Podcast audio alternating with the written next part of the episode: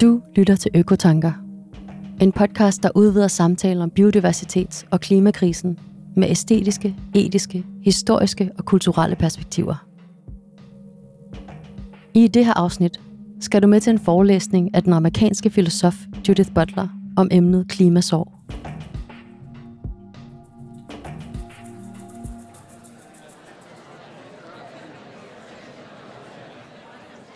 Vi befinder os i det største auditorium på Københavns Universitet, hvor vi venter på, at Judith Butler skal ankomme.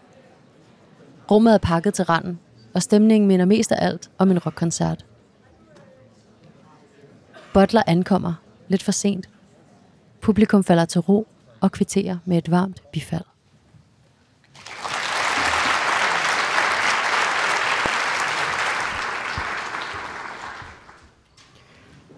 Thank you um, for the invitation to come here and to be in dialogue with you. Um, sorry, this coffee was supposed to take place around 10 minutes ago, but we're, we're converging temporalities here. It'll go better for you if I have some of this. Okay. Butler er kendt for at have skrevet om køn, performativitet og andre emner inden for queer-teori siden slut 80'erne. Men overskriften for dagens forelæsning er lidt anderledes. I'll be talking about climate sorrow, climate grief, but also the task of resistance, the obligation to find a new way of imagining the world we have made, and the earth that exceeds our grasp, and rightly so. If we speak about sorrow and grief, it appears that we are referring to subjective states. I want to suggest, however, from the outset, that the grief we are undergoing, those of us who are in fact acknowledging the losses produced by climate destruction, this loss belongs to the world.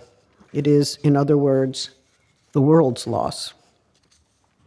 This grief that we feel, which seems to have its site and source in our feeling self, or feeling selves in the plural, is already in and of the world, circulating in ways that effectively make our own individual experiences small. I suggest this because although psychologists have written about grief and mourning as subjective states, they have written less on collective grief and sorrow, and they have not always recognized that the object of grief, the what of what we grieve, partially determines both how and whether we can grieve at all. If we follow Adorno's maxim that the object should have primacy, then the loss of the earth, its living processes, but also its regenerative capacities, establish a new condition and object for grieving. And grieving becomes something new, determined, as it were, by its object. If we grieve the loss of what is living, the conditions of life itself, then it is already from the start our own lives that we are grieving. Indeed, those who grieve are still living. They are the ones living on, the ones who can assume life as the condition of grief itself. At the same time, it is the living world and the living relations among ourselves as interdependent living creatures that we are grieving, and not just human creatures. The way of thinking that distinguishes between this subject over here, who grieves the loss of life, or living processes over there, disavows both the role we have played in bringing about this destruction of life and the interdependency among living creatures, treating the earth instead as an object distinct from the subject. In some ways, it is that epistemological distinction between subject and object, the precondition of so much epistemology, that rightly comes into crisis when we consider what we can do or not do to arrest the propulsive loss that we know as climate catastrophe. The ways of thinking about grief or mourning are challenged by the conditions of loss. And this is one way in which the what of what we are losing makes us rethink the very process of grieving. For psychoanalysis, a loss has already come to pass, and we who are left to grieve are the ones who are called upon to know and acknowledge that loss. But what if, in climate catastrophe or in war, which, as we know, accelerates climate catastrophe, as we see in the war against Ukraine, the loss is happening at the very same time that we are grieving. The loss is not over, for we are living beings among living beings and processes, and if life is being destroyed, then we are implicated not only as the ones destroying life, but the ones potentially destroyed. Destruction is still happening, and it is our task not only to grieve, but to imagine and to resist the ongoing destruction and the future of a catastrophe of even greater proportions. Many temporalities converge on this scene of loss and outrage, and many of the temporal sequences that have been presupposed by stories of loss and grief now have to be challenged and changed. We have lost, are losing still, and will continue to lose unless this acknowledgement of loss lifts us not only from melancholia and its disavowals, but toward a resistance to and reversal of the destructive processes themselves. The activist groups fighting climate destruction should have our admiration and respect, and if we can, we should undoubtedly join them. Not all of us are able bodied enough to fight on the front lines, but every front line requires networks of support.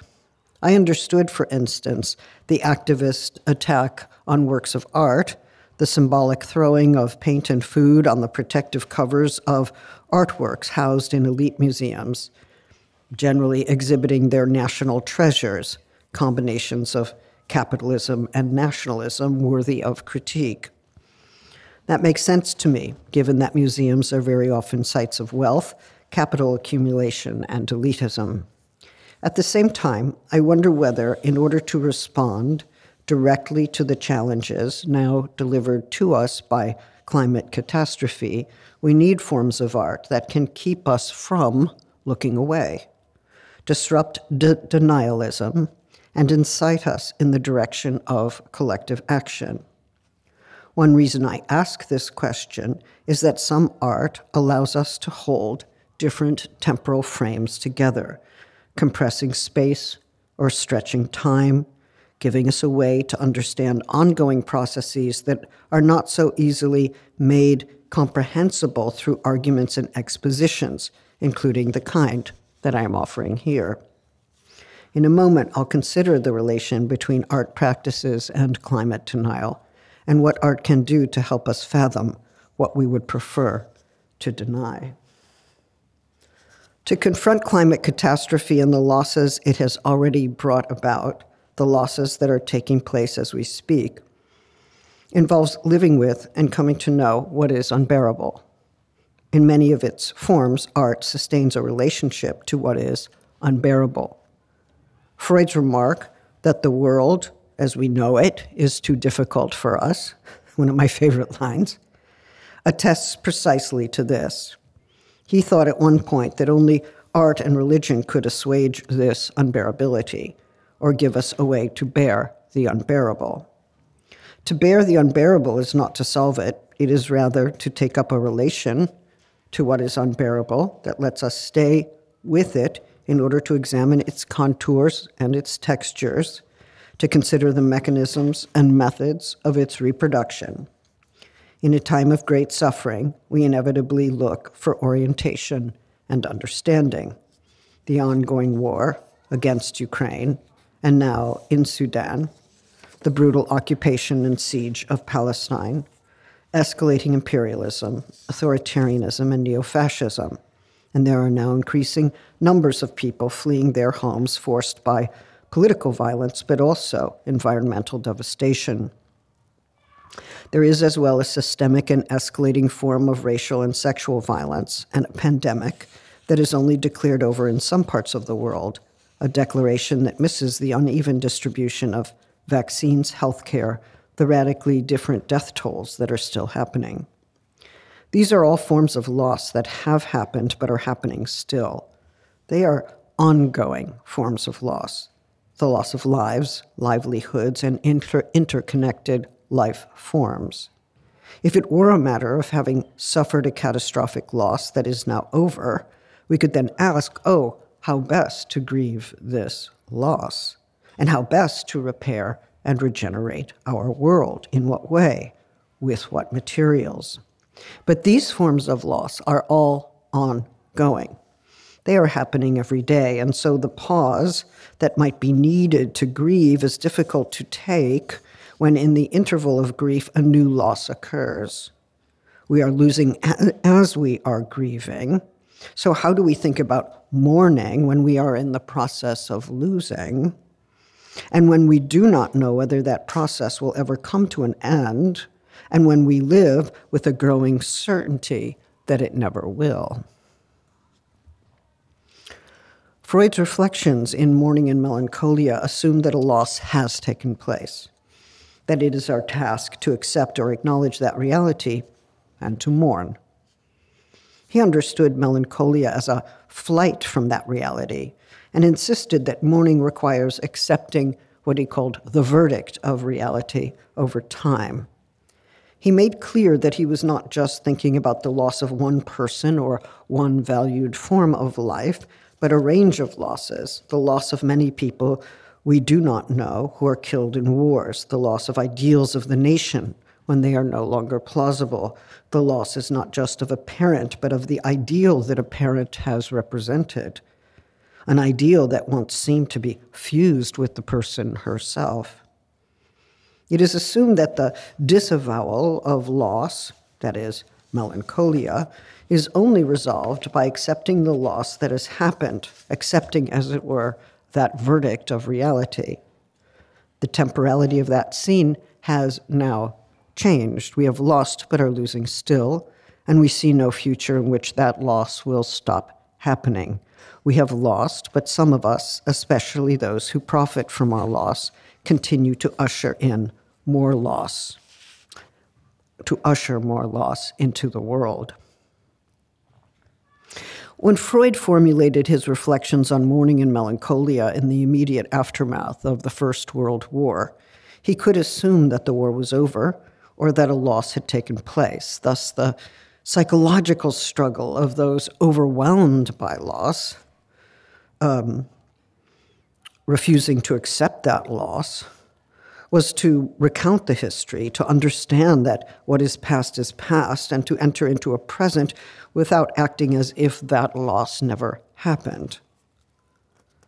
For the traumatized, Freud tells us, the losses of the past never stop happening. The past floods the present, those losses keep happening in the sense that there is no closure for those who have undergone them. The trauma returns compulsively, defeating any attempt to affirm a new time, a new beginning. Melancholia, though, is not the same as trauma, even though it can, as some of your colleagues here have argued, take traumatic form. For the melancholic, the past never took place, and this refusal disturbs the present manifesting in complaint and mania or in the oscillation between the two. With complaint, an authority is faulted or the world is faulted. Something is emphatically wrong in the world and it is indicted again and again. The location, the, the guilty uh, party uh, is named this way and then that way, but no name succeeds in naming the loss itself. With mania, however, there's a way of breaking free of the demand to mourn, insisting on a new future, moving forward with excited declarations and great speed. Unfortunately, mania is manic denial, and so a continuation of melancholia, one of its forms. For instance, even though thousands still die every week from COVID 19, we're told by politicians that the pandemic is over. This excited declaration is supposed to let us know that the markets are open, we can consume and travel, tear off our masks, breathe freely. But what if that declaration coincides with the sense of ambient death?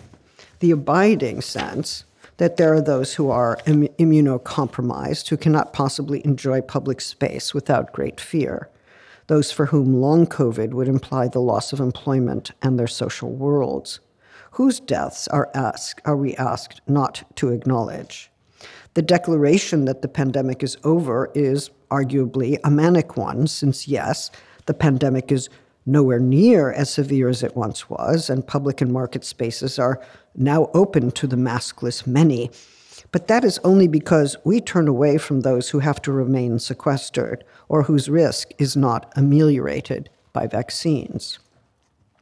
In other words, we know that there are those at risk of dying, but from them we look away so that the declaration that the pandemic is over secures our freedom. We would rather have our freedom and look away. Those lives are now dispensable. A small price we have agreed to pay so the rest of us can more easily congregate, move, and breathe. COVID 19 has been a disease of the interconnected world. It has passed between humans and humans, from animals to humans, and it shows us quite clearly that we share the air, that the air binds us to one another. We require it to live, and it also carries threats to our health we breathe in the air of the other and they breathe our breathing, which means that we are potentially imperiled both by airborne diseases and environmental toxins. We also want the breath of the other to give us that sense of being alive, singing together, dancing, intimate relations. If we cannot commonly trust the air that we breathe, we cannot breathe easily and we cannot breathe together. We cannot trust in the basic elements that keep us alive water, soil, and air, for when they are toxified, so are we. When they vanish um, or lose their regenerative capacities, so do we. We are not just confronting a loss, this loss is in and of us, and we are in and of the loss that is beyond us.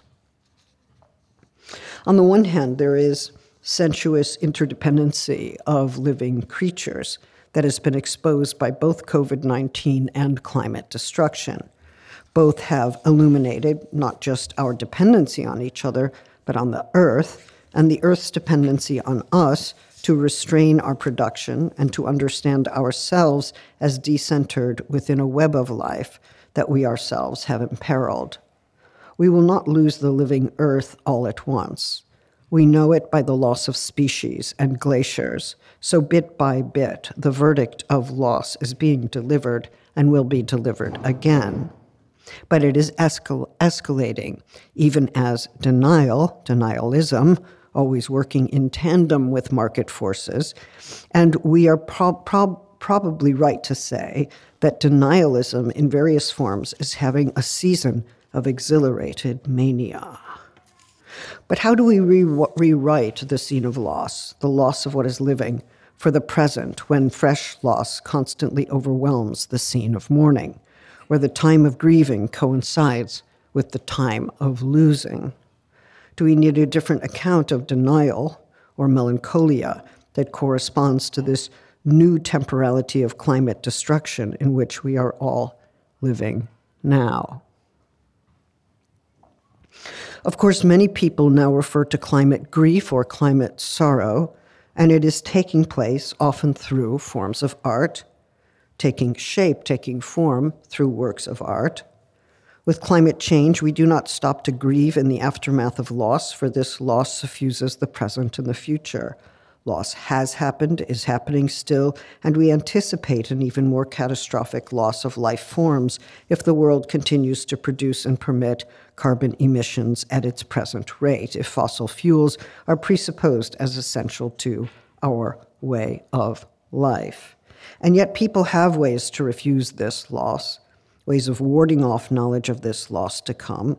For, as I have suggested, there are those who accept that market demands, industrial pollution, extractivism, and the current rate and mode of production are inevitable or considered as a problem for future generations to contend with. That form of manic denial not only refuses the loss, but produces more loss, ushering in enormously destructive consequences.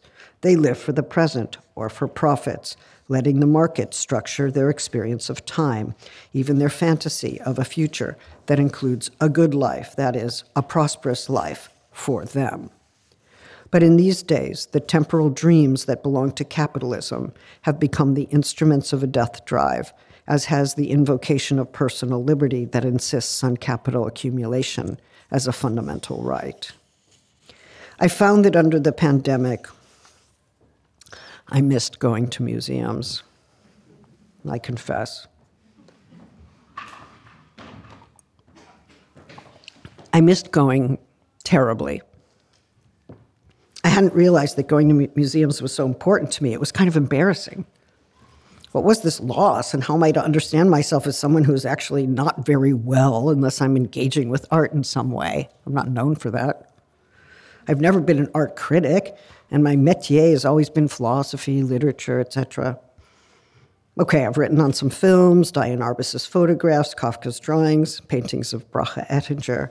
But my relation to the visual arts, at least, is fairly undocumented, if not fully private. During the pandemic, I found that I needed to enter into another space and be enclosed there with objects, if only for a time. And in a Winnicottian sense, I needed to be held by the walls, the structure of the place itself. The psychoanalytic terms holding and containing originated in the works of Winnicott and Bion in the 1960s. Holding is explained in reference to a maternal embrace that facilitates the development of the infant. But in psychoanalytic practice, it describes more generally the potential of analytic space to provide out reliable and responsive therapist, a specific time, a stable room um, where intolerable passions and anxieties can be articulated and contained where what is felt to be unbearable can be borne. Although the two concepts, containment and holding, are ultimately distinct, they build upon one another and have become almost interchangeable in contemporary usage. What interests me about a Winnicottian account of museum spaces during the pandemic is not just that. When they were provisionally open, one was given a space that was not a domestic space, and in many ways could not possibly be analogized with it. The self who enters that space comes to realize that it's not entirely separate from objects, but finds itself decentered and articulated within the field of objects. Object relations theory has offered a comprehensive account of the self object relation, using the term object to refer to all kinds of people in whom, by whom, and with whom the self emerges and comes to understand itself. The self comes to understand its own separate contours, as it were, only in relation to these objects, but the contour, the surface of the body, is not really thinkable outside of its relation to objects.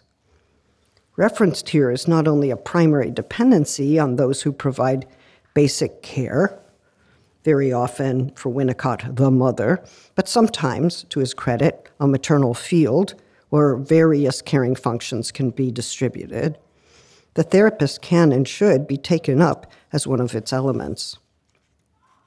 The therapist's task is to receive the intolerable passions that the client brings into the space and directs towards the therapist. And as the therapist demonstrates that they can withstand and survive the destructive passions of the client, um, the client is given the chance to consider its own destructiveness, to overcome, as it were, the fear of their own unmanageable passions, whether hatred or love, resentment or sexuality, without fear that the passion will destroy the object on whom or on which one depends for sustenance, care, and the conditions of ongoing life. Christopher Bollas, the psychoanalyst, said that a good therapist had to be willing to be mutilated by uh, the patient, which means you survive that mutilation in some sense. It's important to understand that the object is acting in the scene. It's not a mere surface available for projection.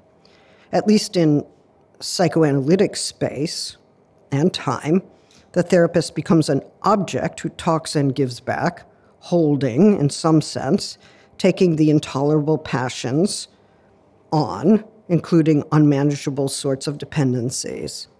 The psychoanalytic space is also acting in the scene, and whatever happens in that holding environment does so by virtue of the agency of objects, the space in which it occurs, and the appointed time of the encounter. Space and time are both part of the action. When Winnicott insists that the self is relational, even that the self is not a substance, but a relation, defined as a relation, not one, but a set, he's insisting that it does not exist without the relations that support and engage that life. So at the end of a session, or indeed an analysis, one is not exactly returned to the self that one is. One finds oneself in the vector of relations, and one comes to terms with the relations by which one is defined. In this sense, we might say the self is worlded, whatever the self is, it's not fully separate from all those elements because the object takes up or takes on the psychic material, holds it for a time, is also part of the restructuring, refashioning, and reanimating of the self from its outside, unoutside, an object field it cannot live without. For no self can come into being without a holding environment. And in the end, it's not fully separable from that environment. Winnicott remarks that if the therapist object survives the passions brought into the scene, the ones that one fears will destroy any object in its path, or perhaps only the one one needs most, then the client not only comes to fear one's own passions less, but also finds that the object, alas, has a reality of its own. It's over there, not just a figment of my mind projection is given up in the affirmation of relationality. Winnicott writes In this way, a shared reality is created, which the subject can use and which can feed back this other than me substance into the subject, an other than me substance. In other words, the reality of an external person, of a time space that does not belong only to me. And here again, we can think about the air, the soil, becomes part of the reality of the subject itself. This is not an act of incorporation, he says, but rather a way of living in a shared reality. Something of the ego is given up both at the level of theory and of life. What? This world is there for you as well? It's as if there's a awakening from a debilitating narcissism. What? We are in an exchange that establishes relationality as the very condition and substance of who I am. That was not the original deal under liberalism. I am, as it were, over there. In fact, I, I find that I am, as it were, over there, outside myself, in you or in other so called objects, but this comportment outside myself is not projection or hallucination, it's rather the very possibility of life, and I will add, of love. Whereas an ego psychologist will probably emphasize the process of individuation and hope for a full and complete accomplishment, Winnicott takes another path. Getting well, getting better, demands an understanding of the shared world as in me, of me, what I am, and the substance in which I dwell, which is of necessity beyond me. And this brings me back to museum spaces. When I entered the San Francisco Museum of Modern Art for the first time during the pandemic, there were very few exhibitions. But there was one exhibition of photographs that artists in the region had taken of trees. They had clearly taken these photographs on their walks where safe distances could be secured. In a way, the exhibition was featuring the redwoods and madrone trees where we live, but was also providing a scene of contemplation that relayed in some ways the scenes of contemplation that many people had every day as they walked through neighborhoods or wooded areas. Those trees made me recognize something of the quotidian character of aesthetic experience and what one might call its saving power, by which I mean that they were, for a time, held by objects in a Winnicottian sense. For it was never just the humans who were missed during those lockdowns. Of course, they were. But the larger object world as well, whose ways of holding involved a way of receiving and giving back, a fundamental rhythm, a life sustaining exchange.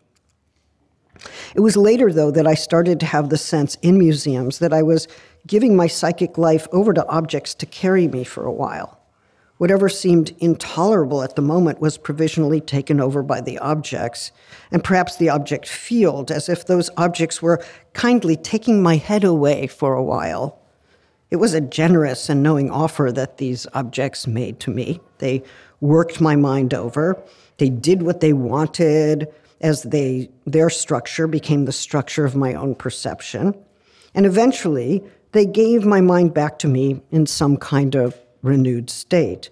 That did not mean that the objects transformed all my suffering into joy. No, the transformation was not exactly redemptive in that sense. It was rather that the objects actively transformed the intolerable condition of the mind into something tolerable, a transformation that was, for me, a renewal of the world, or perhaps the sense of an abiding and life sustaining world, because I had been brought into a a relation to an object that contained or held some thinking of its own, even as it contained and temporarily restructured my thought processes. In giving my mind over to the object to be worked over in whatever way was necessary, I also entered into a kind of exchange or relation that proved to be that proved mm, uh, to be a different sense of who I am. Without objects, I cannot be. Only in relation to objects does that sense of living in a shared reality prove to be tolerable. And given that, given that COVID 19 is a disease of the interconnected world, it seemed for a long time that that interconnection was toxic, potentially or actually fatal. It was not possible to get close to anyone without fear. It was not possible to get close without fearing that one might inadvertently jeopardize the life of the other. And yet, we never needed each other more. But here is my question What was the sense of interconnection um, made possible um, that sustains life in the midst of what is intolerable? Um, in other words, what, what was it? What was it about interconnection, or what kind of interconnection was it that was able to sustain life in the midst of what surely seemed intolerable. Objects, spaces, discrete temporal durations yielded a sense of shared world for surviving, harrowing, sometimes relentless, and devastating losses. The museum, of course, is not a therapist. But the object did, did take my passions and take me over. And when I say that, it's not a figure of speech or facile personification during the pandemic, a, fa- a phrase captured some of the multi directional agency involved in walking and seeing. It was the trees to which I was given over. An anthropocentric account would say that I gave myself over to the trees, and hey, only figuratively, keeping the sense that only humans have agency and any other attribution is a category mistake. An object oriented ontology might say that the objects acted first, and only after did I find myself caught up in the trajectory of their action. I saw my mind become an object for a while, or rather understood that my mind was outside myself and in the object being worked on, worked over, roughed up, and reshaped, only to come back to me as not precisely my own, but as a thing acted upon and acting in the midst of interconnected relations. Those pictures of trees became oddly, the condition or the scene of staying human in the midst of affliction, of becoming a self object whose humanness could never exist if objects cease to act upon it and to enter into its very substance. In this sense, objects became the life force of the human, even as they displace human perception from its most treasured anthropocentric conceits.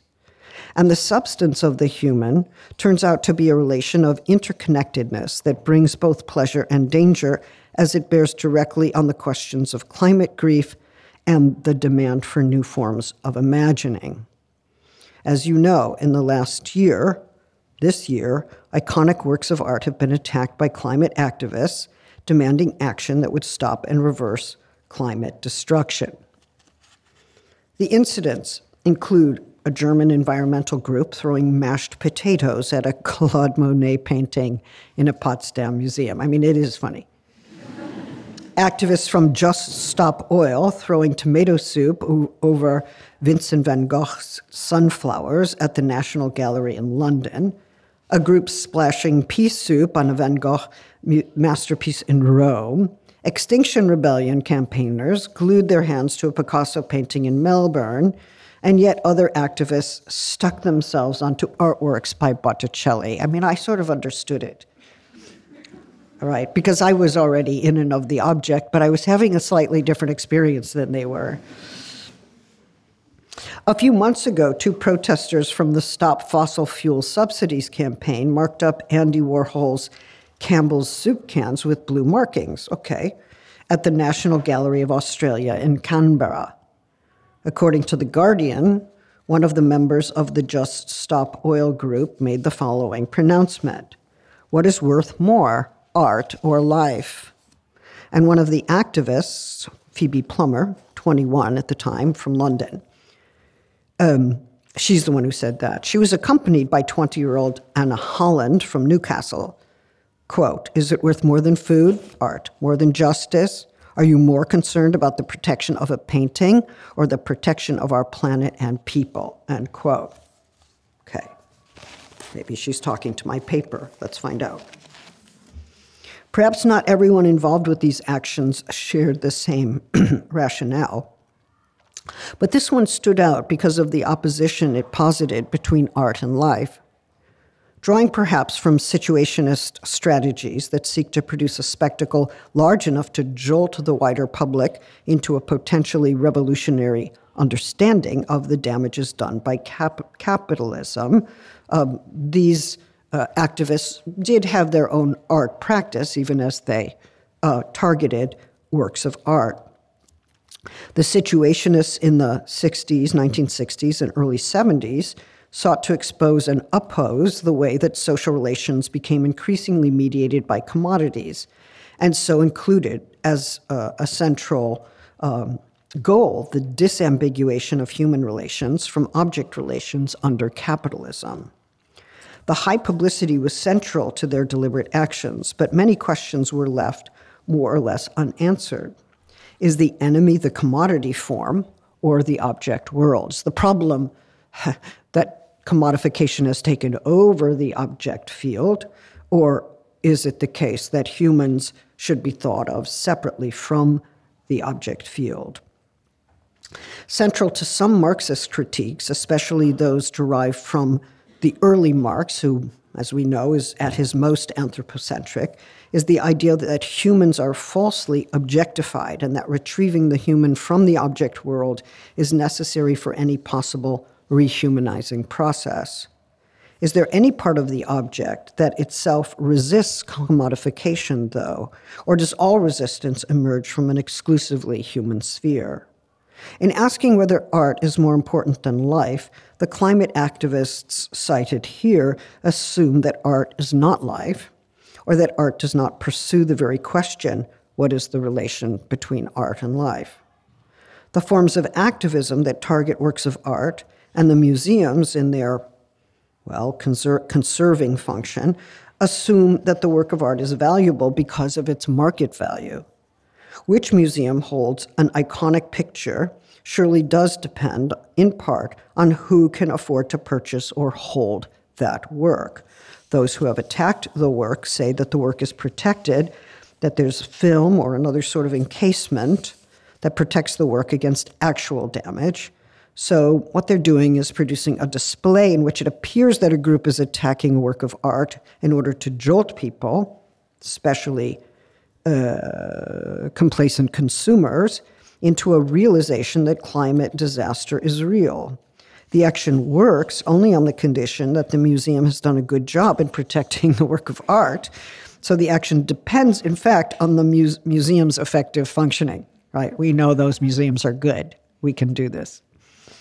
If the action claims to be against museums as such, joining with a contemporary critique of museum culture as elite, governed by market values, or indeed as implicated in the history of colonialism, I understand you've got some stolen objects here in Copenhagen as well.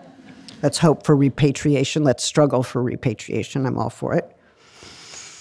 Um, then the action depends on the conservation function of the museum in order not to actually damage the work.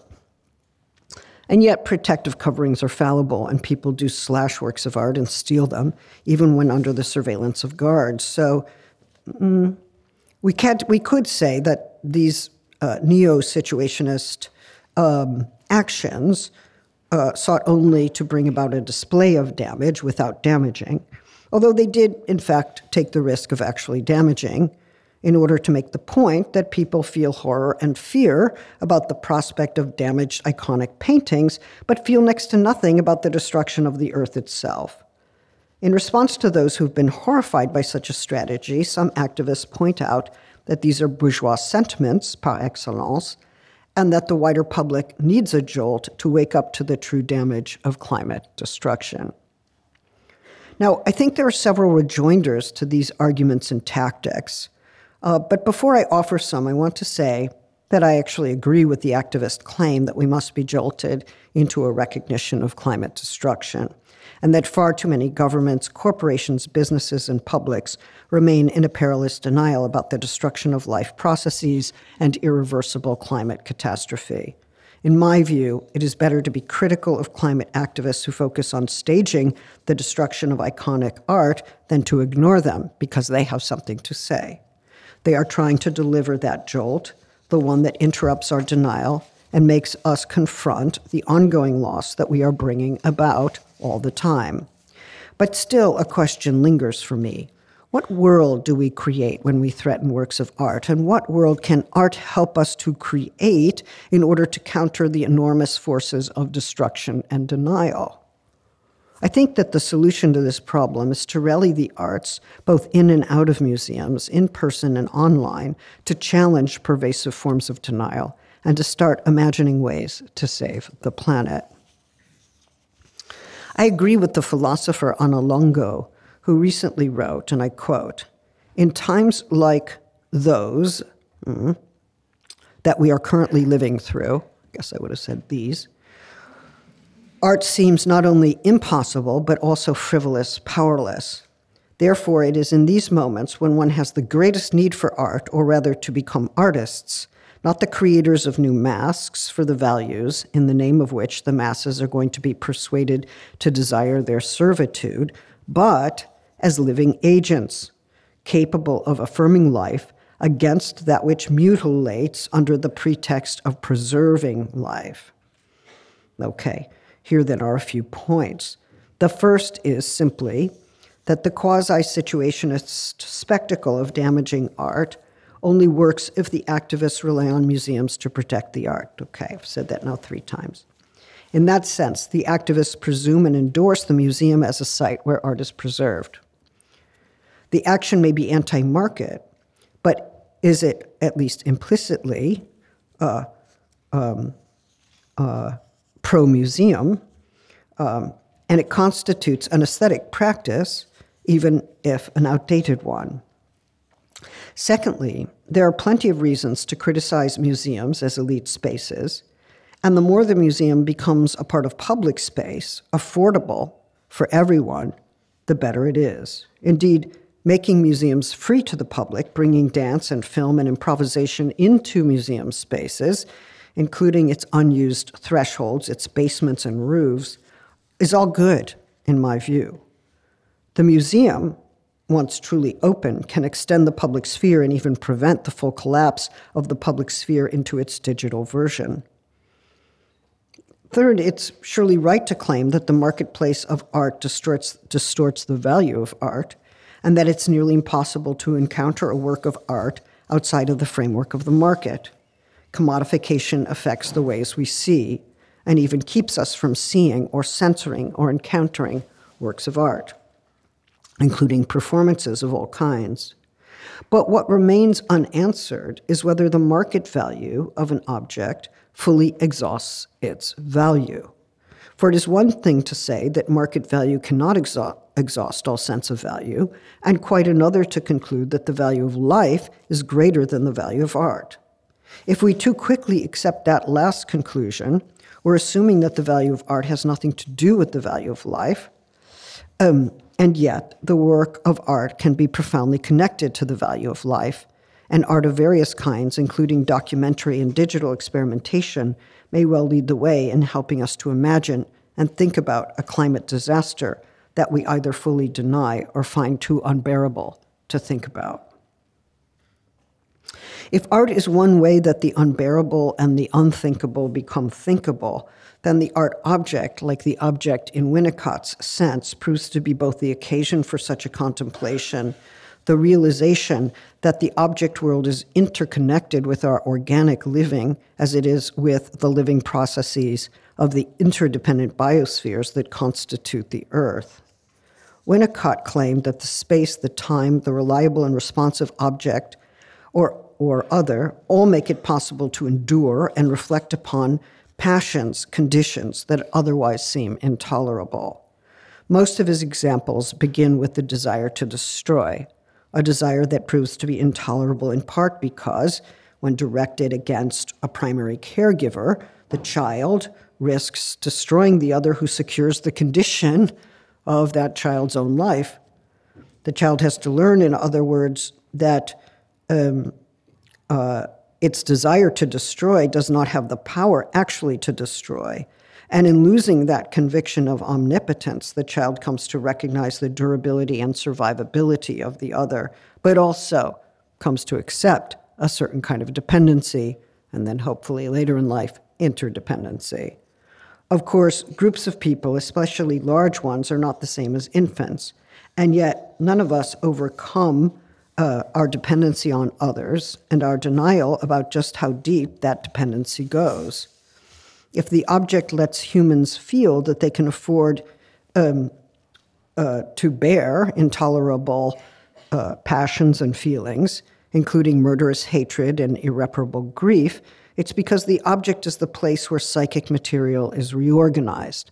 And in the case of psychoanalysis, the therapeutic object, maybe the therapist themselves, agrees to be gut punched or mutilated by the client, to use Christopher Bollas's terms. The agreement to become the object of rage and grief, and even to become provisionally mutilated by the client, is part of the psychotherapeutic contract.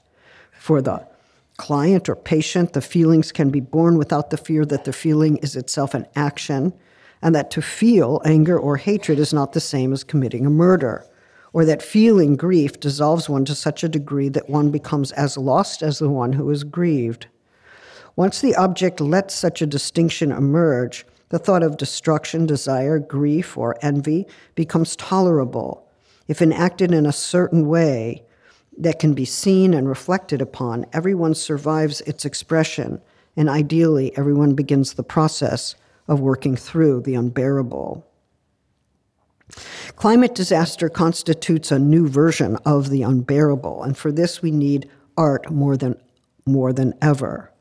Stephanie LeMenager, a professor of both literature and environmental studies, writes about anticipatory grief in the petroleum culture that has come to define our modernity, the anxious anticipation of the loss of the world we know, a world that conducts the death of its own futurity. The world that we have known is bound to disappear in one way or another due to climate uh, change, in her language, and we grieve its loss because it is also the loss of our embodied memories of, in some ways, our entire lives. I'm quoting still to the extent that the oil industry and its fossil fuels has become coextensive with the sense of the world, it is also the source of its destruction. And living within that world, benefiting from that world, is the destruction we can neither see nor forfeit without a form of grieving that most feel is impossible precisely because our lives have become unthinkable without oil. For LeMenager, as well as for Catriona Sandilands, um, uh, Sandalan SX, uh, and I quote The experience of environmental melancholia is one mechanism for the negotiation of environmental loss and environmental responsibility, end quote.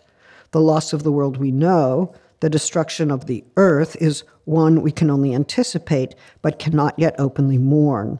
As she puts it, and I quote, the object of loss is ungrievable. I think she's quoting me. Sorry, that was narcissistic. the object of loss is ungrievable within the confines of a society that cannot acknowledge non human beings, natural environments, and ecological processes as appropriate objects for genuine grief. So there you have the idea that grief changes depending on what the object is that is being grieved, and she is now enumerating uh, how grief needs to be rethought in relationship to non human beings, natural environments, and ecological processes. So we're not just anticipating a grief that we will feel in the future if we live to experience the final destruction of climate and earth. Well, none of us will experience that. We will probably not be around on that day. So we live rather with the prospect of that day or set of days, that final and irreversible turn. The greater problem is that we're losing the earth all the time as long as we refuse to grieve the loss of our commitment to oil. We are losing all the time since the process of climate destruction is happening now. And now we have to rethink what it means to mourn when the loss is not complete. And by definition, there will be no one left standing to witness that completion. Right? So, mourning will never be complete. The art that can deliver the jolt is the one that demonstrates and documents the normalization of destruction without normalizing it further. That normalization of oil production and consumption should be exposed for the destructive process that it is. For that, we need forms of art that stand for life in the midst of its destruction, but also expose the ruse by which ruination masks itself as progress, or worse, normal life. That is what environmental theorist Heather Davis brilliantly calls, and I quote, a performative archive of now, end quote. An act of witnessing, she writes, that records not the state of things lost, but anticipatory grief and the uncanny feeling of a world already gone, end quote. And I would add, a vanishing of the world that is happening at the very same time that we seek a way to grieve as we lose and to resist that loss in the midst of grief.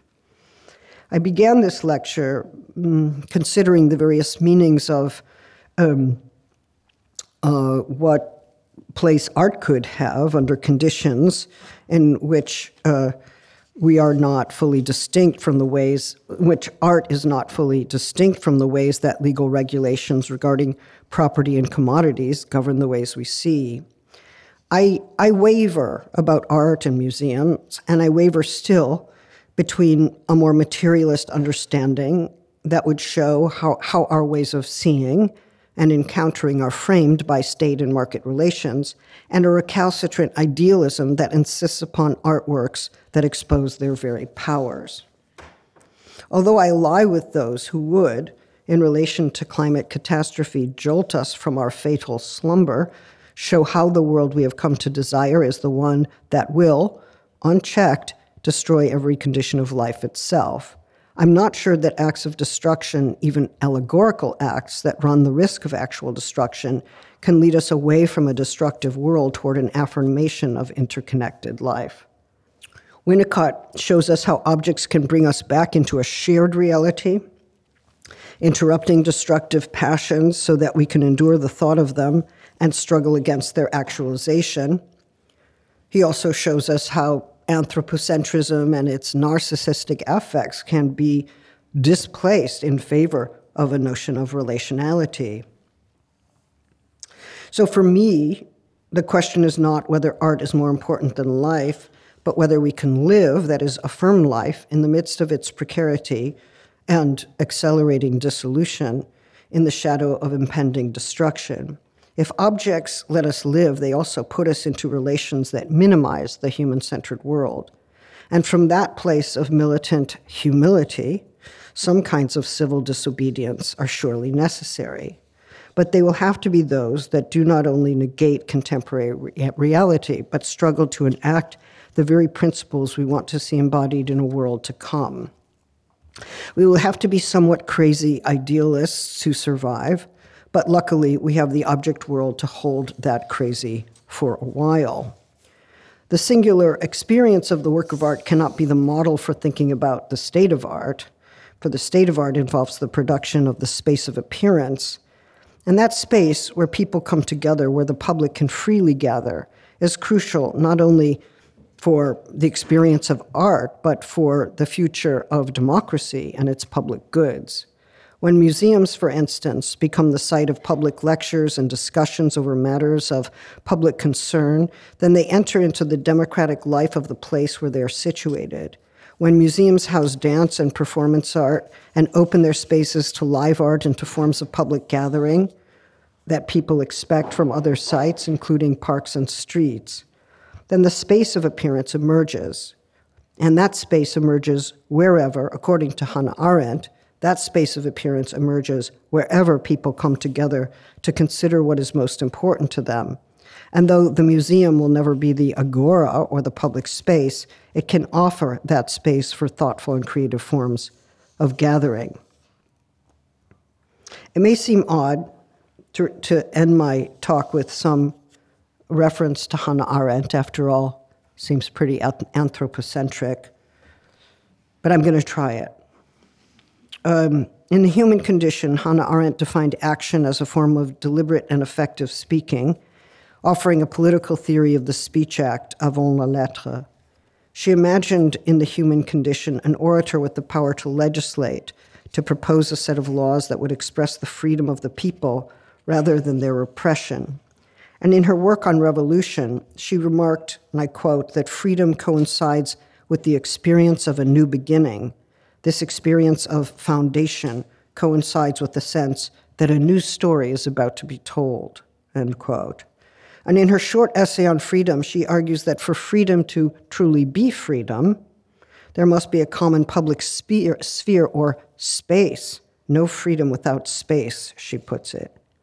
This is not to say that all forms of common space are free, or even that they all condition freedom but that they can. In other words, wherever freedom exists, it exists in such a space.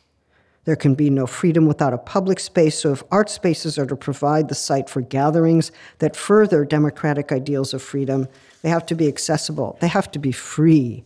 Privatization can never be the condition of freedom of the kind that Hannah Arendt was speaking about. Indeed, in her essay on freedom, she seeks recourse to the ideals of the performing arts to understand freedom. But it emerges again later when she thinks about political judgment as a form of aesthetic judgment. She insists that free action manifests freedom in the act. It does not follow the rules that dictate what re- freedom shall be, that would undercut its own claim to be free. She writes instead that the inspiring principle becomes fully manifest only in the performing act itself. In other words, we cannot discover the principle of freedom in advance of its enactment. I take this actually to be an anarchist impulse within Hannah Arendt's work. In other words, we cannot discover the principle of freedom in advance of its enactment. Its enactment is the site, the occasion in which we come to know what it is. Further, freedom is not simply enacted at a discrete moment in time, only then to be relinquished. In her view, freedom is inexhaustible, open to an infinite iteration. It becomes manifest and known through action and only through action. And she's clear, and she writes, the appearance of freedom, like the manifestation of principles, coincides with the performing act. Although the example she gives is of an individual performer, she wants the argument to work for the people, the plurality that the people are. When people gather to declare themselves free, when they endeavor to overthrow a tyrant or collectively decide to establish a polity whose laws embody their freedom, they are manifesting in their very action the principle of freedom itself. Freedom doesn't pre exist the act, it gathers itself and makes itself known as the gathering. Adriana Cavarero, Italy's leading Arendtian feminist philosopher, has coined the term surging democracy to name a kind of public happiness. And this form of happiness is perhaps the corollary of the sense of regeneration I felt being worked over by the objects in the museum. She rightly contrasts this public happiness to forms of creative violence, her, her view, that seek liberation from oppressive conditions without considering freedom as an enactment of human relationality. This same phrase, relationality, appeared in Winnicott as he recounted the difficulties of emerging in the context of a dyadic relationship. In Cavarero, relationality is found in public gatherings and concerted actions, and I quote, public happiness is discovered and rediscovered by political actors whenever or wherever they perform for the sake of the freedom to be free, thus tasting the constitutive birthing quality of action, end quote. For Cavarero, this principle of natality, of bringing something living into being, is there in the midst of political congregations. I like to think of it as a regenerative action. It comes closer to a form of poesis than to praxis or phronesis. It describes the making of something unprecedented, the bringing about of a new reality, one that expresses freedom rather than its degeneration. And the happiness in freedom is also an expression of this human interdependency, my term, she calls it plurality. For I for I am only free with others, since what I am is this set of relations, this plural interdependency. And what is enacted in the experience of concerted action, shared freedom, and the bringing about of something new. To act politically, Cavarero tells us, produces a kind of happiness different and higher than any private activity. Its meaning is executed in the act, end quote. An aesthetic principle is at work in Arendt, in Cavarero makes it explicit. Later, Arendt will say that the ju- that judgments have to be made about genocide, for instance, that can rely on no existing law.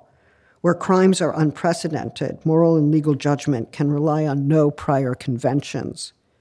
The judgment must be formed in relation to the crime, and that means that a serious form of improvisation and spontaneity informs that judgment. In other words, the freedom crafted in making new judgments about unprecedented situations is crucial if we are to come to understand and act in relation to historical and ecological circumstances that are unprecedented and largely unforeseen. We are in that situation now as climate catastrophe becomes the name for an ongoing form of destruction, unprecedented at every step. We cannot oppose that destruction with destructive acts of our own if we are to make the world less violent. The mode and method by which we oppose this destruction must contain within itself the very interrelationality and, and dependency um, on the earth, our, our living in and, and of the earth that we seek to preserve. The actions that oppose uh, destruction cannot be forms of creative violence without degenerating democracy, in Cavarero's terms. We are, as it were, living together as we act together, and our action exemplifies the kind of freedom and relationality that we want to see enacted with happiness across the world.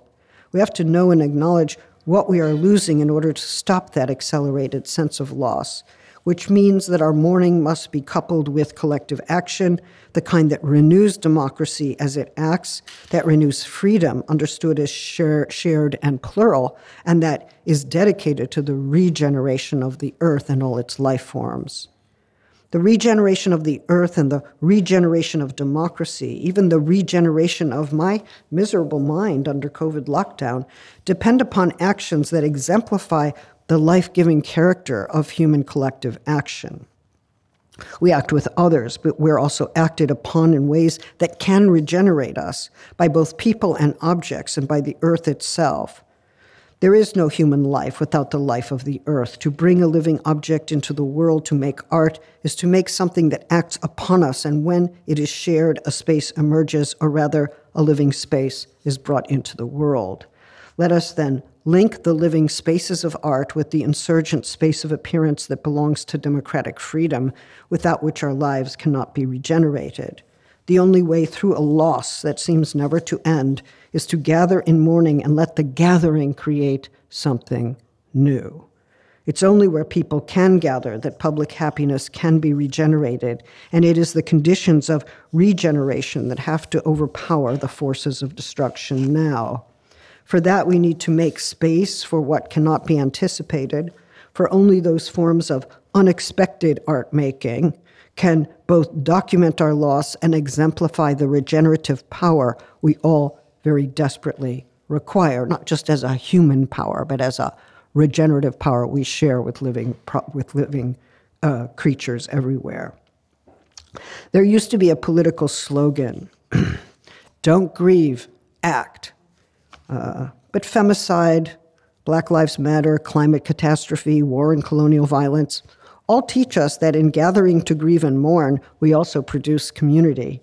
And when the streets are filled with mourners who seek to mark a death, the death of those considered ungrievable by those who destroy them, we assert the value of that life, the living, as an interdependent life. The lives of the living maintain solidarity with the dead, and this solidarity goes beyond the humanisms we have known. It goes beyond it to affirm the conditions of life, the living and the livable.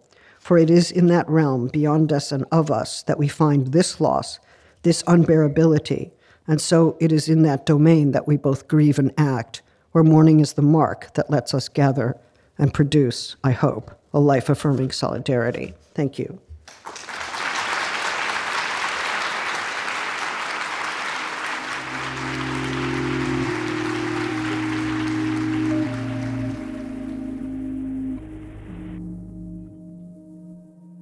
Efter forelæsningen for Butlers selskab af lektor Mikkel Krause Fransen og den samtale kan du lytte til i et separat afsnit af podcasten her.